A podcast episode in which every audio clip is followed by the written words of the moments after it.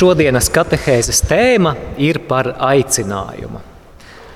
Mēs runāsim par katra cilvēka universālo aicinājumu un mazliet pieskarsimies arī tiem mazajiem aicinājumiem. Es saprotu, ka šis pieteikums jau izraisa daudzus jautājumus, bet uz tiem mēs centīsimies atbildēt šīs katehēzes laikā. Bet mazliet humoram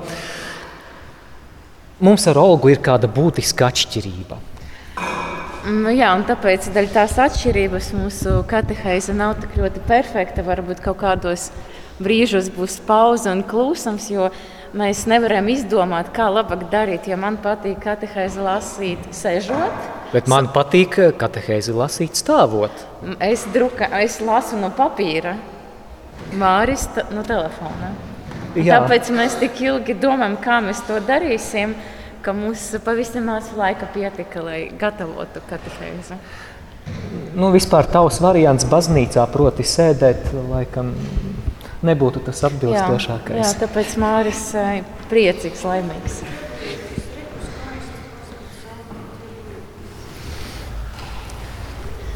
Jā, bet pirms mēs sākam runāt par aicinājumu, jā, mēs gribam, mēs gribam pajautāt jums, ko, ar ko jums saistās šis vārds aicinājums. Nu, pirmais vārds, kas jums nāk prātā. Kas? Pozitīva, Pozitīva sajūta, ceļš, ceļš. kalpo Dievam.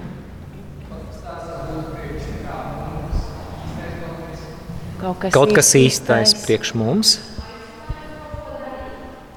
Aicinājums kaut ko darīt.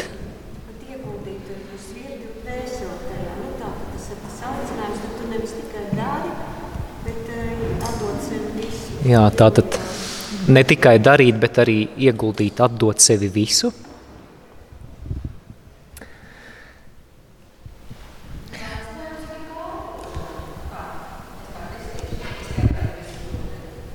Aicinājums kā kalpošana. Ceļš, pa kuru iet dzīvē. Izvēle,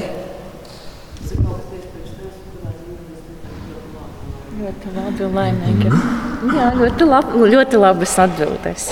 Jā. Patiesībā ir divi paši galvenie aicinājumi, kuriem mēs visvairāk šajā katehēzē vēlamies veltīt uzmanību. Un mēs to esam nosaukuši ļoti oriģināli, mēs ceram. Jā, tad nu, vienkārši visi aicinājumi, ko jūs nosaucat, viņi, viņi iekļaujas tādos divos pamatos kristieša aicinājumus, tad mēs nosaucam, tad Māris vairāk pastāstīs par tādu, tā saucamo vertikālo aicinājumu, attiecības ar Dievu. Tā kā Jā, mēs varam ir... redzēt pie, pēc krustam.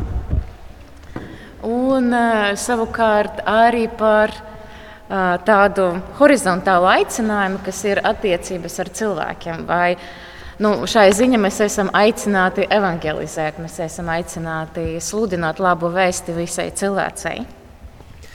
Jā, un tad nu šie vertikālais un horizontālais aicinājums veido šādu krusta formu, lai šis krusts paliek atmiņā arī domājot par to aicinājumu, kas ikvienam cilvēkam ir kopīgs.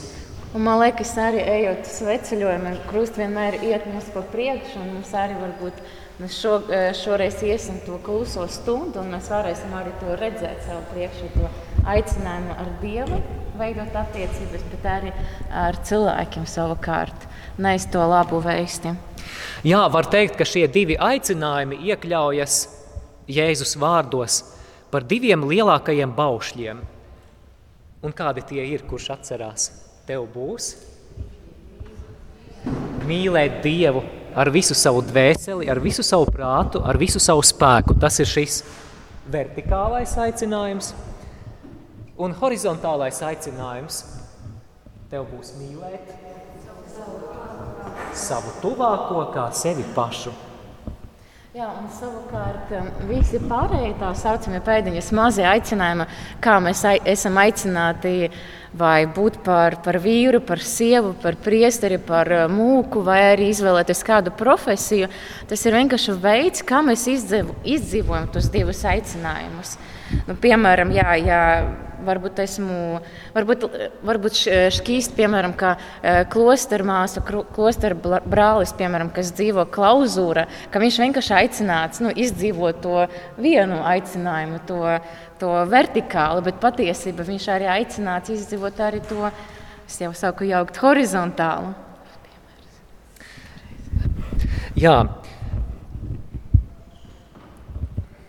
Piemēram, tā māsa Terēza no Lizjē. Viņa patiesībā viņa bija klostra māsa, kas dzīvoja klauzūrā. Bet patiesībā viņa, viņas aicinājums bija par kļūt par misionāru aizbildni. Un tāda veida viņa savukārt tāda veida evangelizēja. Viņa arī gribēja, gribēja, gribēja de, doties arī uz tālēm zemēm. Nu, tā, viņa dzīve pienāca beigas, jā, un viņa nevarēja to iztenot. Bet viņa ir patiesība ir savā tajā vientulības, tajā sava klusuma klauzūra un tāda noslēgtajā dzīve, viņi izdzīvoja to misionāru aicinājumu. Jā, varētu teikt, eh, klauzūras klostermāsas, kāda bija mazā Terēza no bērna Jēzus. Nu, viņas jau tur ierāvušās savā svētajā burbulī, savā siltumnīcā un lūdz nemitīgi Dievu. Taču šis mazās Terēzes piemērs parāda, ka šis vertikālais aicinājums, tātad attiecības ar Dievu, arī izplūst šajā horizontālajā līmenī. Un, lai arī mazā Terēzīte bija klosterī, viņa pat nevarēja iziet ārā no klostera. Tas bija ļoti stingrs klosteris. Bet caur savu lūkšanu par misionāriem viņa ir kļuvusi par misionāru aizbildni, un kā tāda tā tiek godināta arī šodien.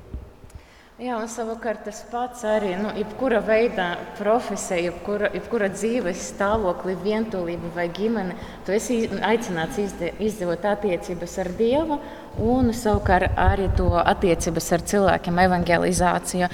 Un kas man arī ļoti šķiet ļoti svarīgi un uh, nozīmīgi tas, piemēram, Pēteris šodien runājās sprediķi par pilnvērtīgu dzīvi. Mēs esam aicināti savā aicinājumā, tā e, atkārtojas, būt laim, par, par laimīgiem cilvēkiem. Patiesībā tas, ko mēs darām, jā, proti, kā e, attiecības ar Dievu, ar cilvēkiem, bet tas veids vienkārši ir e, aicinājums no Dieva, lai mēs būtu laimīgi. Es atceros um, par sevi, jā, piemēram, pirms vairākiem gadiem, deviņiem, astoņiem. Es iestājos tā, tāda Samuēla gada, varbūt jaunieši vairāk pazīst tādu gadu. Tas ir gads, kad mēs esam aicināti pārdomāt, nu, kam Dievs man ir domājis, vispār, ko man izvēlēties savā dzīvē. Un es tāda biju naiva un salasīju grāmatas par svētiem. Man, li, man liekas, uzreiz, ka Dievs mani aicinās tikai uz, uz klosteri, es tur atgriezos tikai. Man liekas, ka jā, man, man tas Tas ir tas priekš manis. Ja? Man liekas, tas ir vienīgais veids, kā, ko Dievs no manis vēlas. Bet kas man ļoti pārsteidza, es um, eh, tajā gadā uh, aizgāju uz kādu aizlūgšanu. Bija atbraucis katoļu misionārs no ASV, Dons Terbits. Ja? Un es piegāju pie viņa visā tādā nopietnībā, sakot, es nezinu, uz ko Dievs mani aicina. Vai, vai, uz klostru. Es biju ļoti nopietna. Un viņš, pa, pa, viņš pat nepalūdzas vēl par mani. Viņš saka, Dievs vēlas, lai tu esi laimīga. Un man kaut kas sacēlās iekšā. Es domāju, ko viņš tam nenopietni tas tik ļoti saka vai kā. Bet tajā gada Dievs darbojas ļoti spēcīgi. Un patiesībā rekolekcija, kad bija rekolekcija Samuela gada beigas, tad es piedzīvoju to, ka īsti Dievs skatās uz manam ilgam, ko es gribu patiesība, kas ir dziļi manis sirdi un kas mani padara, padarīs par laimīgu cilvēku un pilnvērtīgu cilvēku, kā es varu atsauktos, ja, atsaukties jau uz Pēteras prediku, izveidot, iz, izdzīvot pilnvērtīgu dzīvi, kā, kas vairāk mani kā, padara laimīgu. Katehēzes turpinājumā mēs mazliet sīkāk vēlamies parunāt par šiem diviem pamataicinājumiem, kas attiecas uz ikvienu Kristus mācekli, tātad par vertikālo un par horizontālo. Un sāksim ar, ar šo krusta baļķi, tātad ar vertikālo aicinājumu, tur augšā ir Dievs. Jā, tātad viss, kas ir saistīts ar mūsu virzību pretī Dievam, ar mūsu attiecībām ar Dievu, tas ir šis vertikālais aicinājums. Tas ir pats pats svarīgākais. Mēs esam radīti Dievam. Mēs esam radīti Dievam. Ja savā dzīvē mēs nesatiekam Dievu, ja mēs neesam vienotībā ar Dievu, mēs nošaujam greizi, mēs nošaujam garām. Nu, gluži kā, piemēram, iedomāsimies, ka šim telefonam arī ir aicinājums. Nu, tāds pēdiņās aicinājums būt par telefonu. Ja šo aparātu es izmantošu tikai, lai stampātu vārītus kartupeļus, Šis telefons pilnībā neīstenos šo savu telefonisko aicinājumu. Es saprotu, ka jocīgs salīdzinājums, bet uh, kaut kas līdzīgs ir ar mums. Mēs arī esam radīti kaut kam. Gluži kā telefons ir radīts, lai zvanītu, lai veiktu arī citas darbības, tā mēs kā cilvēki esam radīti attiecībām ar Dievu. Un, manuprāt, to ļoti labi ir noformulējis Svētais Augustīns, sakot, manai sirdī nebūs miera, kamēr tā neatdusēsies tevī. Šim vertikālajam aicinājumam, kas ir saistīts ar mūsu virzību pretī Dievam, ir vairāki aspekti, ko es vēlos minēt. Jo arī, piemēram, lasot garīgo literatūru vai lasot katoliskās baznīcas katehismu, mēs varam redzēt dažādus formulējumus, kas atklāja kādu citu šķautni šajam, šim vertikālajam aicinājumam. Un es runāšu par Pirmkārt, par dvēseles pestīšanu, otrkārt, aicinājums uz svētumu, un trešais - aicinājums uz dieva pagodināšanu. Tad īsumā par šiem trim aspektiem vertikālajā aicinājumā. Parunāsim par dvēseles pestīšanu. Olga nu pat minēja kādu savu dzīves piemēru, es arī padalīšos ļoti atklāti. Es mācījos garīgajā seminārā, pārbaudīju aicinājumu uz priesterību, un es nomācījos diezgan ilgi. Savukārt, cilvēki no malas, kas seminārā nav mācījušies, varbūt iedomājas tā, ka seminārists pirmajā kursā iestājās, un viņš tur tāds apgarots lido un lido, un, un jā, un tad kā tāds taurenis izlido kā svēts priesteris. Nē, tas ir lielu cīņu, tas ir lielu jautājumu un šaubu laiks, tas reizēm ir agonijas laiks. Varbūt priesteris Pēteris to nav piedzīvojis. Eh, bet, eh, jā, eh, jo vairāk tu mācies, jo vairāk tu uzdod šos jautājumus, jo tu saproti, ka tavai izvēlei būs neatgriezeniskas sekas. Tu vairs neko nevarēsi pagriezt atpakaļ. Un, un tad es domāju, nu, ko darīt? Vai nu ģimene vai tomēr ordinācija un celibāts. Un pēdējais kurs, kurs man bija ļoti mokošs. Man bija tās iekšējās cīņas, un es, es biju diezgan izmisis, jo bail bija nokļūdīties. Es nebiju pārliecināts par ordināciju. Man, liekā, man šķita, ka nu, es nebūšu patiess ne pret sevi, ne pret Dievu, ne pret cilvēkiem. Uh, Bet tajā pašā laikā, ja es aiziešu no semināra un ja es kaut ko esmu pārpratis, nu, varbūt visa mana dzīve ir sačakarēta, jo es kaut ko pazaudēju, kaut ko, vai, vai, arī, vai arī otrādi tā, par, par jebkuru izvēli varētu teikt, ka tur pastāv it kā risks kļūdīties, un tas rada tādu spriedzi, stresu, ko darīt, kā, kā izdarīt pareizo izvēli, ņemot vērā, ka Tu nepiedzīvo tādu brīdi, kad debesis atverās un tur mākoņi izveido uzrakstu māri, tev jākļūst par to un to, vai neatskan eņģeļu bazūne, kas saka, māri, tev ir jādara pirmkārt tas, otrkārt tas un treškārt tas. Reizēm šis eh, aicinājuma atpazīšanas jautājums ir eh, kā noslēpums, kas mums mēģina jāatminēt. Un es atceros, ka es gāju un runāju ar garīgo tēvu nu, ko darīt. Un garīgais tēvs, ievērojot to, ka es esmu diezgan izmisis un iesprindis par šīm lietām, viņš teica to, ko es nebiju aizdomājies agrāk. Viņš teica, Māri, priesterība vai laulība, tas nav mūsu pamataicinājums. Tas domā, paga, bet, bet, bet kas tad? Un viņš man teica tādus vārdus – Mūsu pamataicinājums ir dvēseles pestīšana. Viss pārējais, vai mēs esam konsekrētais kādā klosterī, vai mēs esam priesteris, vai mēs esam ģimenes cilvēks.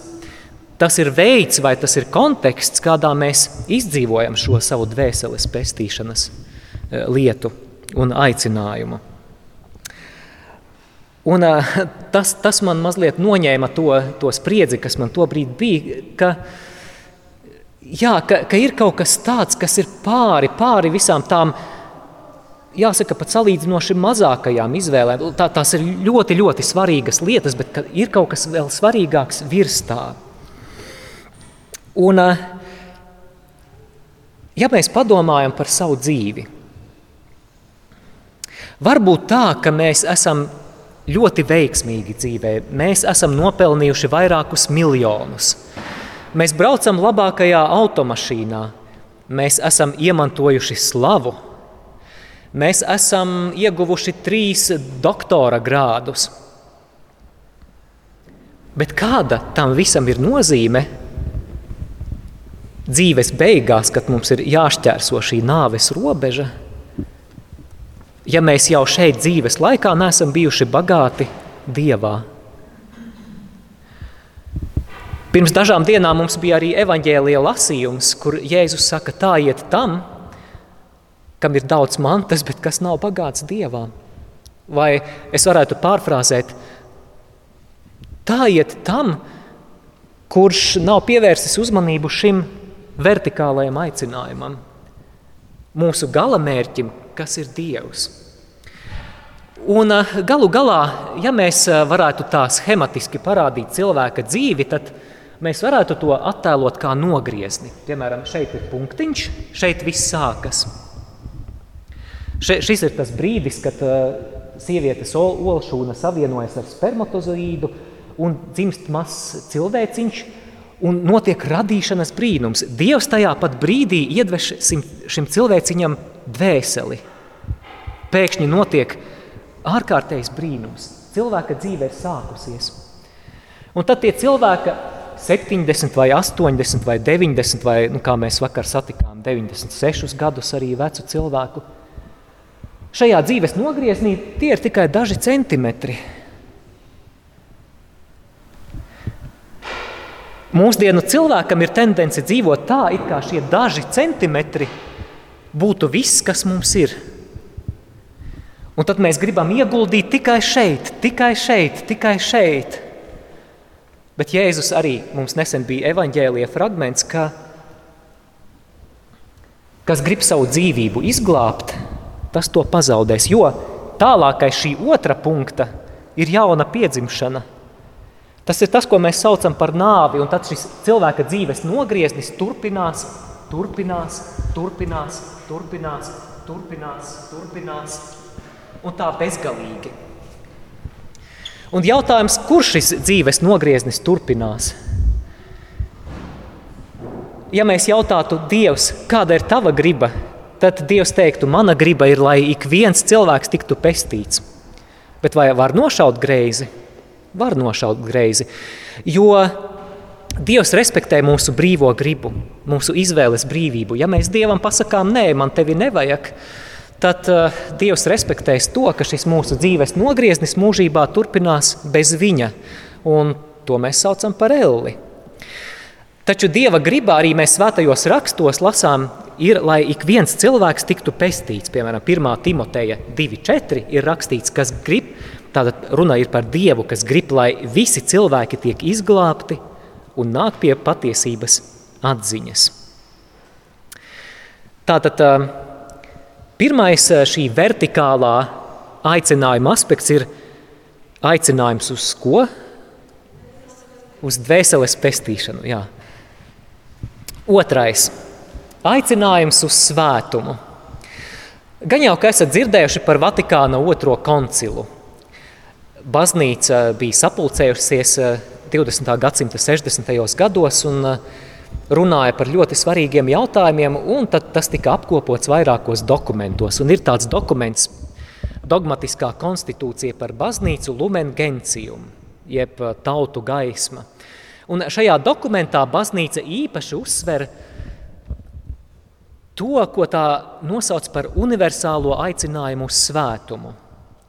Universālais aicinājums uz svētumu. Tā doma ir tā, ka ik viens cilvēks ir aicināts uz svētumu. Arī no manas dzīves stāsts. 2003. gads man bija manas atgriešanās gads, un tas arī notika caur svētceļojumu uz Aglonu. Tā ka, jā, starp citu, Olga arī gāja tajā svētceļojumā, bet es viņu nepamanīju. Es arī viņu nepamanīju. Jā, un šo svētceļojumu vadīja prosanktitāte māsas Rita un Liljāna. Viņas vēl salīdzinoši nesen bija atbraukušas uz Latviju.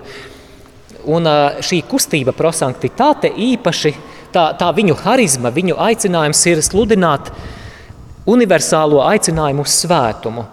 Un man toreiz tā bija revolucionāra ziņa. Viņas teica tā, ka ik viens, jūs, jūs, jūs, ik viens esat aicināti uz svētumu.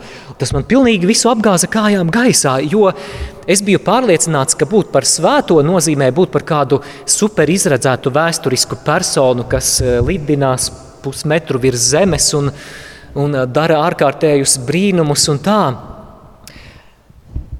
Un tad pēc tam drīz es atceros arī kādā misē dzirdēju priesteris prediķojam par tēmu Kāpēc Dievs grib, lai mēs kā cilvēki būtu laimīgi? Un es nekad neaizmirsīšu, ko šis priesteris teica. Viņš teica, Dievs grib, lai cilvēki būtu svēti, tāpēc, ka viņš grib, lai cilvēki būtu laimīgi. Dievs grib, lai mēs būtu svēti, tāpēc, ka viņš vēlas, lai mēs būtu laimīgi. Un Jēzus Kalnas prediķī saka, esiet svēti, kā jūsu debesu tēvs ir svēts.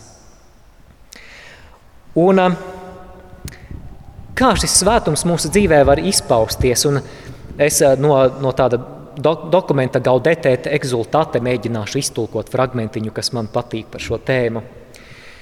Mēs esam aicināti būt svēti, dzīvojot savas dzīves ar mīlestību, nesot liecību visā, ko mēs darām, un visur, kur mēs esam. Vai tu esi aicināts uz konsekrēto dzīvi? esi svēts, izdzīvojot savu aicinājumu ar prieku. Vai tu esi precēts? Esi svēts, mīlot un rūpējoties par jūsu vīru vai sievu, kā Kristus rūpējās par baznīcu. Vai jūs pelnāt iztikai? Esiet svēti strādājot ar integritāti un ar prasmi, kalpojot jūsu brāļiem un māsām. Vai jūs esat vecāki vai vecvecāki? Esiet svēti, pacietīgi mācot mazos, kā sekot Jēzum. Vai jums ir vara? Esiet svēti, darbojoties kopīgam labumam un atsakoties no personiskā ieguvuma. Tātad otrais vertikālā aicinājuma aspekts ir aicinājums uz svētumu.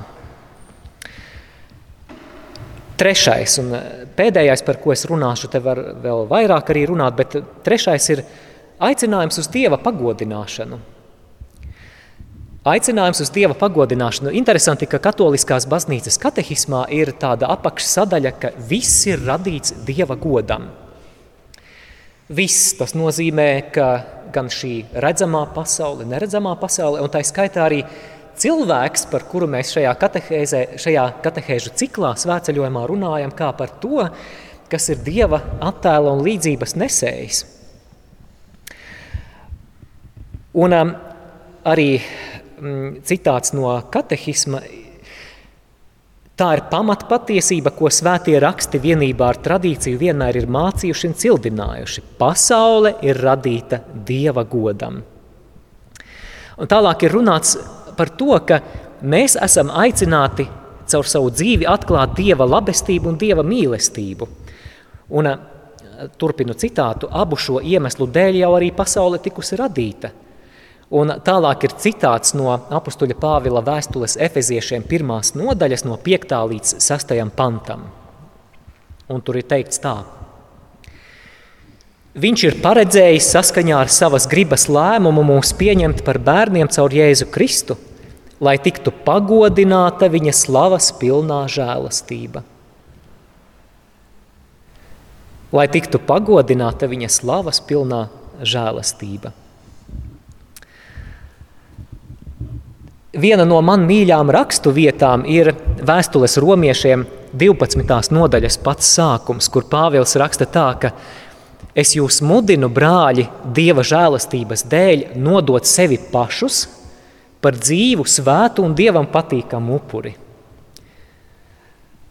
Un, ja mēs šķetinām šo domu, ko tas nozīmē nodot visu sevi par dievam patīkamu un svētu upuri, tas nozīmē, ka viss, kas mēs esam, katrs mūsu darbs, katrs mūsu vārds, tam ir jātiecās, lai pagodinātu Dievu.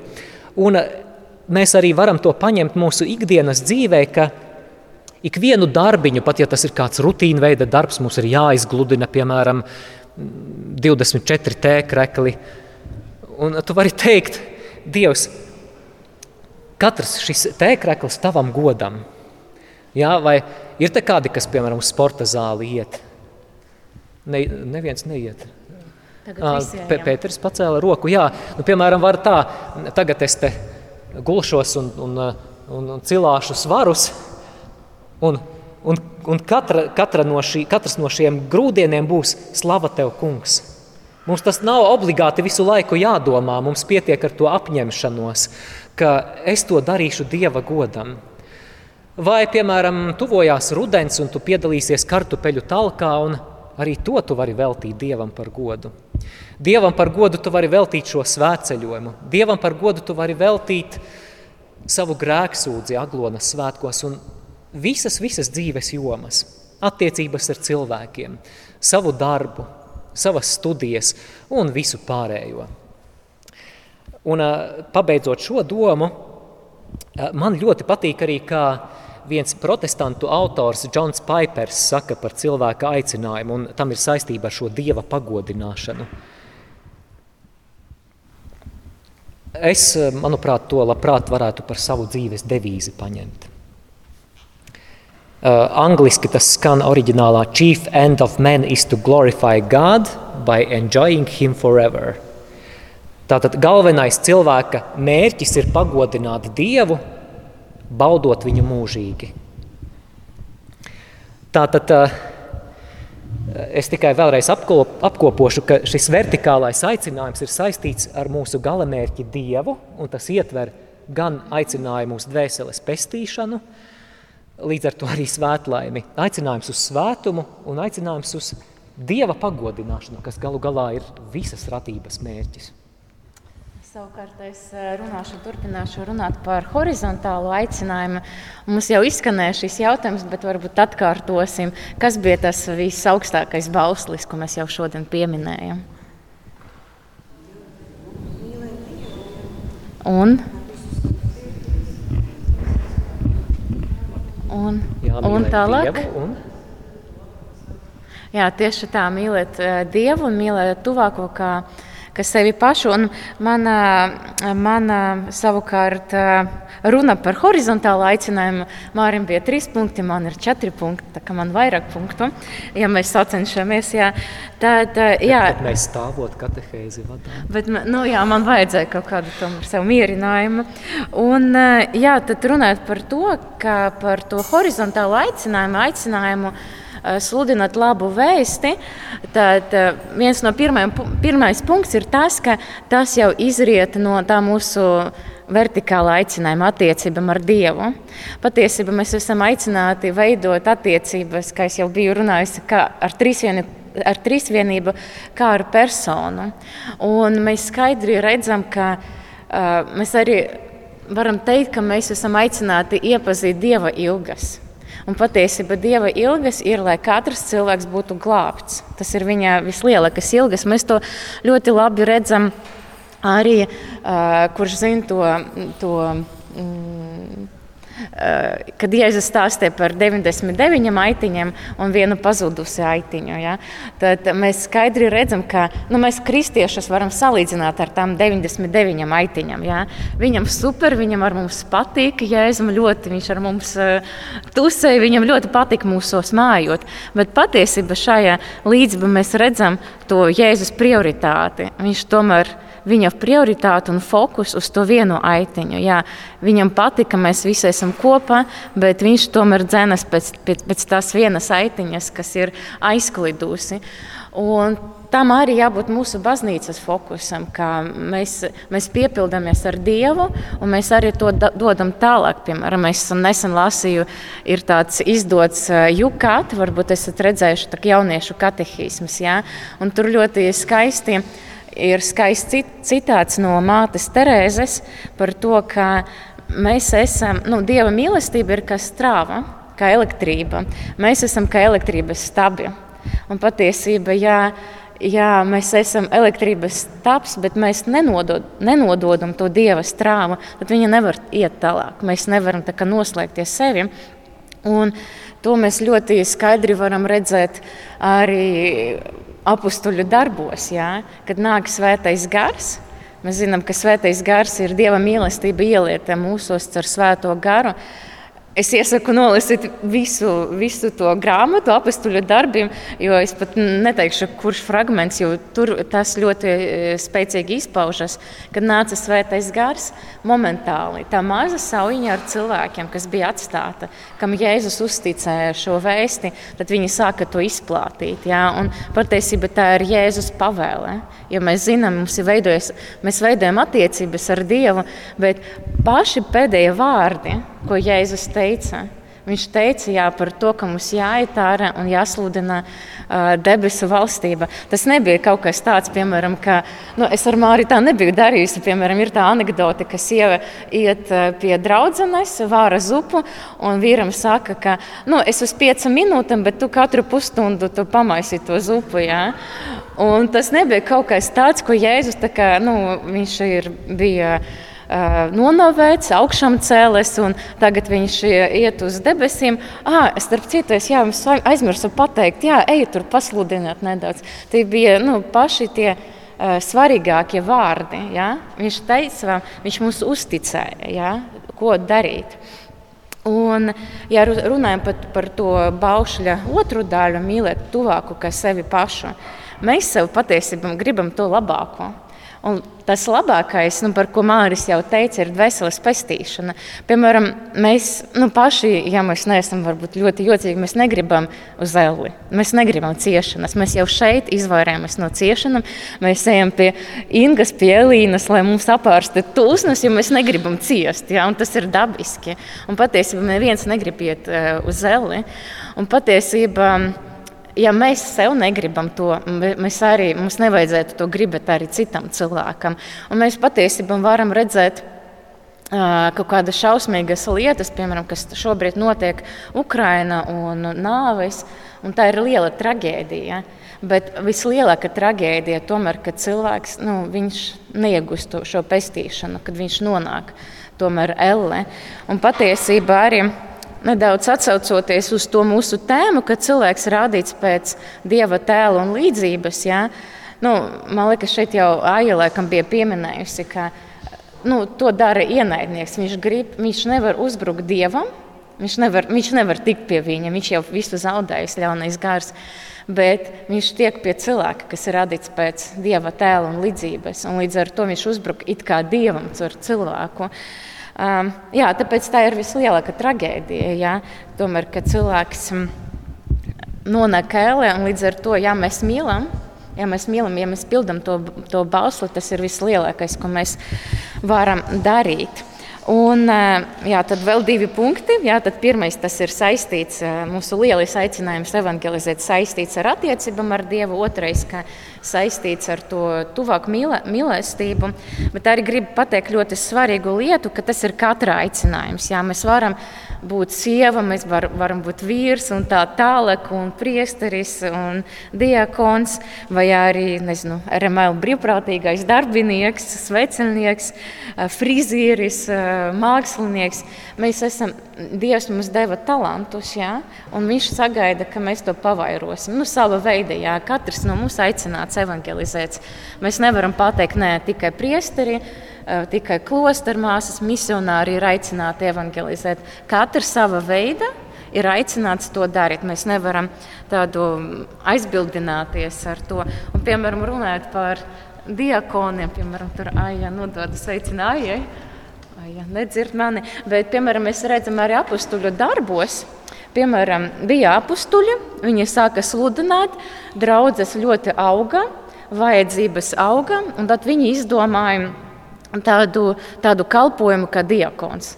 Uh, jā, un Vai kāds zina, jautājums ar zvaigznīti, domāts, kam bija domāta šī kalpošana? Ko viņi darīja, diakoni? Labi, jautājums ar zvaigznīti jā, ļoti sarežģīts. Viņi bija domāti, nu, tur bija tāds citāts, tā, ka uh, apstuļi teica, ka uh, nav labi tagad atstāt kalpošanu vārdam, tas ir evangelizācija. Tagad nu, bija vajadzības rūpēties par, par bāreņiem, par atraitnēm, nu, tādas žēlsirdības, kari, nu, tā var teikt, mūsdienu karitas. Un tāpēc bija izveidots diakonāts, tāds diakoni, un viņi bija nozīmēti kā, nu, rūpēties par, par, par nabagiem, par, par to, to visu, ja? lai, savukārt, lai to apstuļi nedarītu. Ja? Bet mēs tik un tā apstuļu darbos redzējām, piemēram, ka diakons Filips, ko viņš tur darīja, sēdēja, tad Dievs viņam saka, ka ej tur uz tuksnesi, un tur viņš evangelizē, un tur viņš uzreiz nokristīja to, to cilvēku, kas brauca no Etiopijas. Etiopijas jā, no Etiopijas.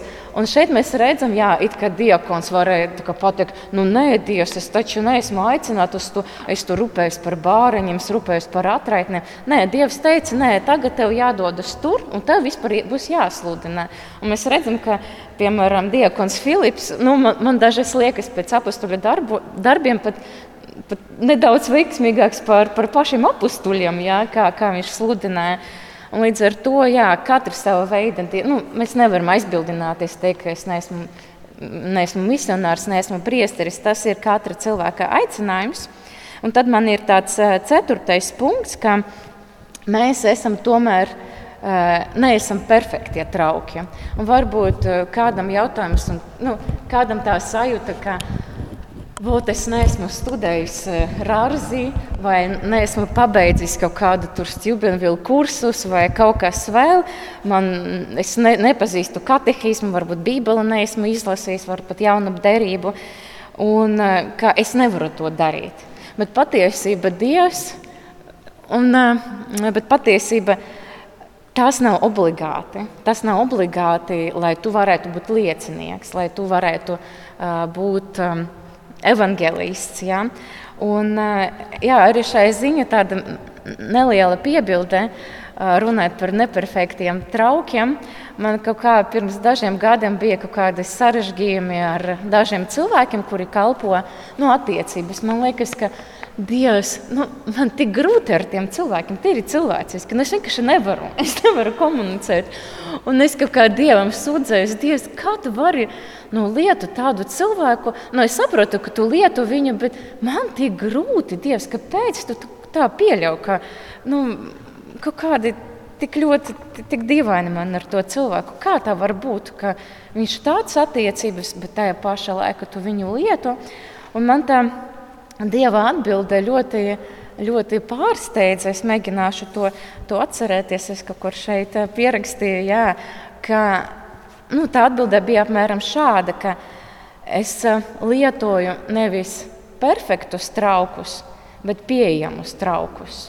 Tā kā nu, runājot par cilvēkiem, par, par cilvēkiem, kas padara sevi par pieejamiem. Un saistībā ar, ar šo man nāk prāta tā Bībeles vieta no Isājas, Iesaijas 6. nodaļas 8. panta, kur Dievs saka, nu, un Iesaija savukārt dzird. Un es dzirdēju tā kunga balsi, sakam, ko lai es sūtu, kas būs mans vēstnesīs. Tad es atbildēju, lūk, šeit esmu, sūti mani. Vienīgā kvalifikācija, lai Dievs tevi lietotu, patiesība, ka Dievs, labi, esmu pieejams. Viss, jā. Patiesībā tev nevajag tur. Ne, es negribu teikt neko sliktu par kaut kādam citiem kursiem, izglītībām, bet vienīgais teikt, Dievs, esmu šeit. Jā. Un patiesībā šajā brīdī, šajā pasaulē mēs redzam, cik ļoti salauzta šī pasaule, cik ļoti daudz ciešanu, cik daudz problēmu. Bet nu, Dieva balss joprojām skan. Tā, tā skan šādi: Ko lai es sūtu, kas, būt, kas būs mūsu vēstnesīs? Joprojām Dievs jautā katru, katru no mums, jo Viņš meklē, ko, ko lietot. Un, um, jā, viņš vienkārši gaida mūsu atbildi. Jā, esmu dzirdējis par kādu cilvēku, kurš agrāk lietoja narkotikas, tad viņš piedzīvoja radikālu atgriešanos un satiekot uh, savus hobija brāļus, bijušos, viņš saka, Eju, es esmu atradis kaut ko labāku par narkotikām. Šie jautā, ko tu esi atradis? Es esmu Jēzu atradis, saticis. Ko mums darīt, lai mēs arī viņu satiks, satiktu? Es pat nezinu, bet es zinu, kur kur var aiziet un par to vairāk uzzināt. Jā, tātad Dievs lieto neperfektus traukus, bet tos, kas ir gatavi pateikt, jā, šeit es esmu. Un ņemot vērā šo horizontālo aicinājumu, vēl es gribu uzsvērt arī to, es vēl šodien Katoliskās baznīcas katehismā pārbaudīju. Tur ir rakstīts par baznīcu, ka svētceļojošā baznīca pēc savas dabas ir misionāra. Tā kā mēs esam daļa no baznīcas, tad mēs jau, jau esam iekļauti šajā aicinājumā, šajā horizontālajā aicinājumā, piedalīties baznīcas misijā un evanģelizēt. Un tāpēc arī šajā svētceļojumā mēs vēlējāmies izmēģināt kaut ko, ko mēs nebijām darījuši iepriekš, un jau noteikti esat pamanījuši, ka mēs mēģinām būt ne tikai savā foršajā svētceļojuma burbulī, bet mēģinām arī iet pie cilvēkiem. Mēs esam apmeklējuši slimnīcu, pansionātu, mums būs vēl viens pansionāts, mums bija evanģelizācijas vakars neretā. Arī paldies uh, puišiem par mīlestības vēstulīšu mešanu pastkastēs, tiešām uh, malači. Uh, tādējādi mēs ne tikai šajā svētceļojumā kopjam savu šo vertikālo aicinājumu, bet arī īstenojam šo horizontālo aicinājumu. Mums vēl sagatavots kāds kirsītis uz kūkas, nu vienkārši Jā. pēdējie vārdi. Mm -hmm. Tā kā norādījumi praktiski vairāk. Kā atpazīt savu mazo aicinājumu? Jo mums Jā. ir skaidrs, ar to lielu ir tas, tā mēģināšu vertikālais un horizontālais, kas veido krustu, bet arī tāds, kā atpazīt to, nu, vispār, kā es varētu to lielu aicinājumu savā dzīvē izpaust. Jā, tad pirmām kārtām man liekas svarīgi atcerēties to, ka uh, pirmām kārtām, kā Māris jau teica, svarīgāk būt, būt ar Dievu. Un tas ir mūsu primārais aicinājums. Varbūt nebūt stresa un neskriet turpu šurpu, kas ir mans aicinājums, bet nomierināties un zinā, zināt to. Es, es atceros, kādreiz lasīju to vietu no no Bībeles. Man liekas, tas man sasaistīs par to aicinājumu ceļu, ka Jēzus saka, es esmu ceļš, patiesība un dzīvība. Un ja tu esi ar Jēzu, un Jēzus ir ceļš, tad tu esi uz ceļa, pareiza ceļa. Tā kā tu nenomaldīsies, ja tu esi ar Jēzu. Vēl eh, ir vērts atcerēties, ka aicinājums var būt arī saprotu, ka tas gudri skan, bet gribās pateikt šo vārdu daudzdimensionāls. Tas nozīmē, ka vienlaicīgi mūsos var pastāvēt, vai mums var būt vienlaicīgi vairāki aicinājumi. Piemēram, kādai sievietei var būt gan sievas aicinājums, vienlaicīgi viņai var būt aicinājums būt piemēram par juristi, vienlaicīgi arī un paralēli viņai ir šis horizontālais aicinājums evanģelizēt, bet tas veids, kā viņa to evanģelizē, ir varbūt viņa nav laba runātāja, ne, lai gan, ja, ja juriste, tad viņai jābūt labai runātājai. Bet, nu, labi, pieņemsim, viņa, viņa dzieta draudzes korī. Jā, kāpēc ne? Un, uh, tagad tie punkti tā vairāk praktiski, kā atpazīt savu dzīvi, jo mēs ar Māru izgājām, liekas, lielam ceļam, kā saprast, par ko Dievs no manis grib. Mēs sapratuši, mēs pasēdējam, parunājam. Un, saprotam kaut kādas lietas par mūsu dzīvi. Protams, ka tas viss balstās arī uz kļūdām, uz pieņēmumiem un tā tālāk, ko mēs savā dzīvē esam izdzīvojuši. Tad pirmais, ko es gribu pateikt, ka, jā, ka nu, piemēram, mēs šodien ejam pa ceļu jā, uz noteikti konkrētu punktu. Un, bet pastāv iespēja, ka mēs varam nogriezties ne pa labi, bet pa kreisi. Bet tik un tā, ja mēs izmantojam mūsu navigāciju, mēs tik un tā varēsim iziet tajā punktā. Un līdzīgi ar Dievu patiesībā. Ja mēs kaut kur nomaldāmies pa labi, pa kreisi, nu, Dievs mūs piekurigēs. Un patiesībā uh, varbūt mēs gribam iet to ideālu, to taisno ceļu, bet mēs nekad nezinām. Patiesi, protams, mums jālūdz, jā, jābūt attiecībām ar Dievu, bet arī uh, Pēteris šodien sprediķi pieminēja, ka nebaidīties kļūdīties. Jā. Ja mēs ejam, tad Dievs mūs vedīs. Ja mēs stāvēsim uz vietas, mēs nu, neaiziesim, piemēram, uz līgsnu. Ja, ja mēs sēdēsim un domājam, kur ir mācīts aicinājums, Nē, nu, vienkārši ej, un Dievs rādīs, kur ir tavs ceļš. Jā, tā tad pirmā lieta - atcerēties, ka Dievs vada un viņa vadība ir kā GPS. Ja mēs katru dienu sakām, Dievs, lai tavs prāts notiek, tad varam paļauties, ka Viņš izvedīs. Izvedīs tā, kā ir jābūt. Otrā lieta, vēl kas mums var palīdzēt atpazīt mūsu aicinājumu, ir mūsu talanti un mūsu dāvanas. Un, uh, es šeit vēlos nolasīt uh, fragment no 1. pētera vēstules 4. nodaļas, 10. pants un uz priekšu. Kādu katrs dāvanu saņēmis, Ar to kalpojiet cits citam, kā labi dažāda veida dieva žēlastības namturi. Tātad ar, ar ko kalpot citiem, ko Pēteris raksta? Ar to dāvanu, kuru tu esi saņēmis. Un es domāju, ka mēs daudz maz nojaušam, kas ir mūsu stiprās puses. Ir kādi, kam patīk māksla, patīk gleznot, patīk zīmēt. Mums te ir daudz muzikālu cilvēku, un paldies jūs eh, arī šo savu mazo muzikālās kalpošanas aicinājumu šeit lieliski īstenojat svētceļojumā.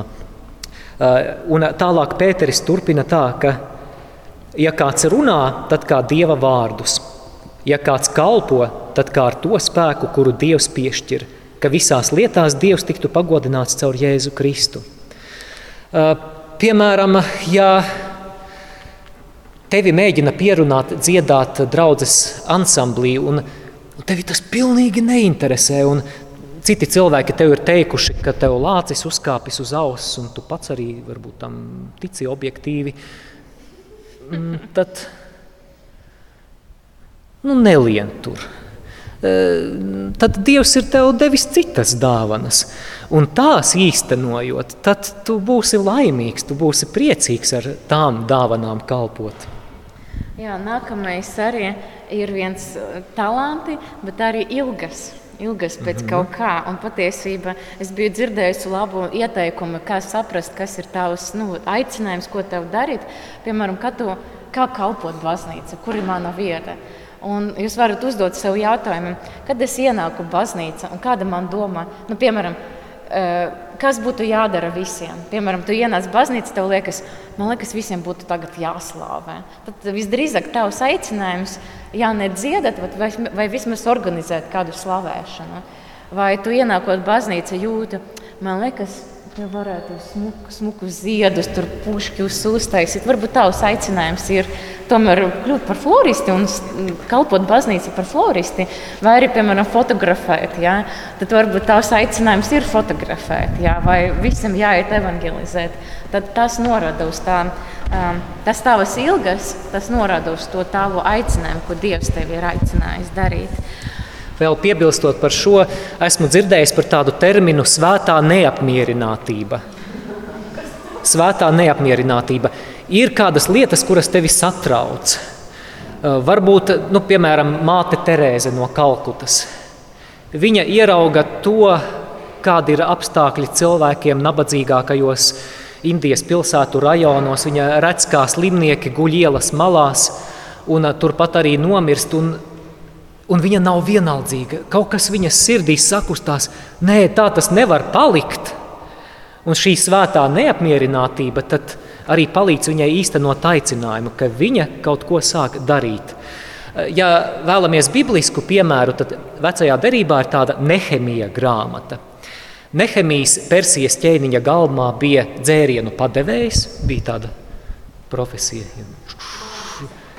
Jā, un Nehemijs bija ebrejs, kurš eh, bija dzimis Jeruzalemē, un viņš uzzina, ka Šajā laikā Jeruzaleme ir nopostīta un Jeruzalemes mūri ir vienkārši sagrauti. Un Nehemiju pārņem šī svētā neapmierinātība, šausmas. Mūsu senču pilsēta, mūsu svētā pilsēta ir, ir sagrauta. Tas tā nevar palikt. Un tad viņš dodas eh, ar citiem domu biedriem uz Jeruzalemi, eh, lai šos mūrus atjaunotu. Un viņš to izdara. Tātad šī svētā neapmierinātība. Jā, vēl mēs jau runājam par to, ka cilvēks savā aicinājumā ir aicināts būt par laimīgu būtni, laimīgu cilvēku. Ja? Un, eh, jā, tas ar šo arī saistīts nākamais apakšpunkts, ja, ka patiesībā mēs runājam par to, ka cilvēkam ir dota brīva griba izvēlēties dievu, izvēlēties citu cilvēku attiecībām, bet tā arī mums dota brīva griba. Ko mēs vēlamies savā dzīvē? Nu, tas arī gan saistīts ar ilgam, ja, bet arī izvēlēties, kas mums patīk. Un, un, jā, ka mēs esam varam būt radoši ka, un būt drošam, jā, ja tas mums patīk, tad visdrīzāk tas ir tas, ko Dievs ir ielikts. Ka mēs neesam aicināti būt par dieva robotiem, ka būt, mūsu aicinājums atnāk, visas esmu sasaistīta, tagad man ir dzīves programma, ko jāizpilda, bet es varu darīt to, kas man patīk. Ir angļu valodā tāds labs katoļu YouTube kanāls Ascension Presents, un tur ir slavens amerikāņu priesteris Maiks Šmits. Un eh, viņš reiz stāstīja tā, ka reizē mēs nākam Dieva priekšā, kungs, ko tu gribi, lai es daru? Kungs, kāpēc nav atbildes? Ko tu gribi, lai es daru? Dievs uz mums skatās, ak, tu nabadzīgs, bet ko tu gribi? Un ar šo mēs arī katehēzi noslēdzam. Gods lai ir tēvam un dēlam un svētajam garam, kā tas no iesākuma ir bijis, tā tagad un vienmēr un mūžīgi mūžam. Āmen!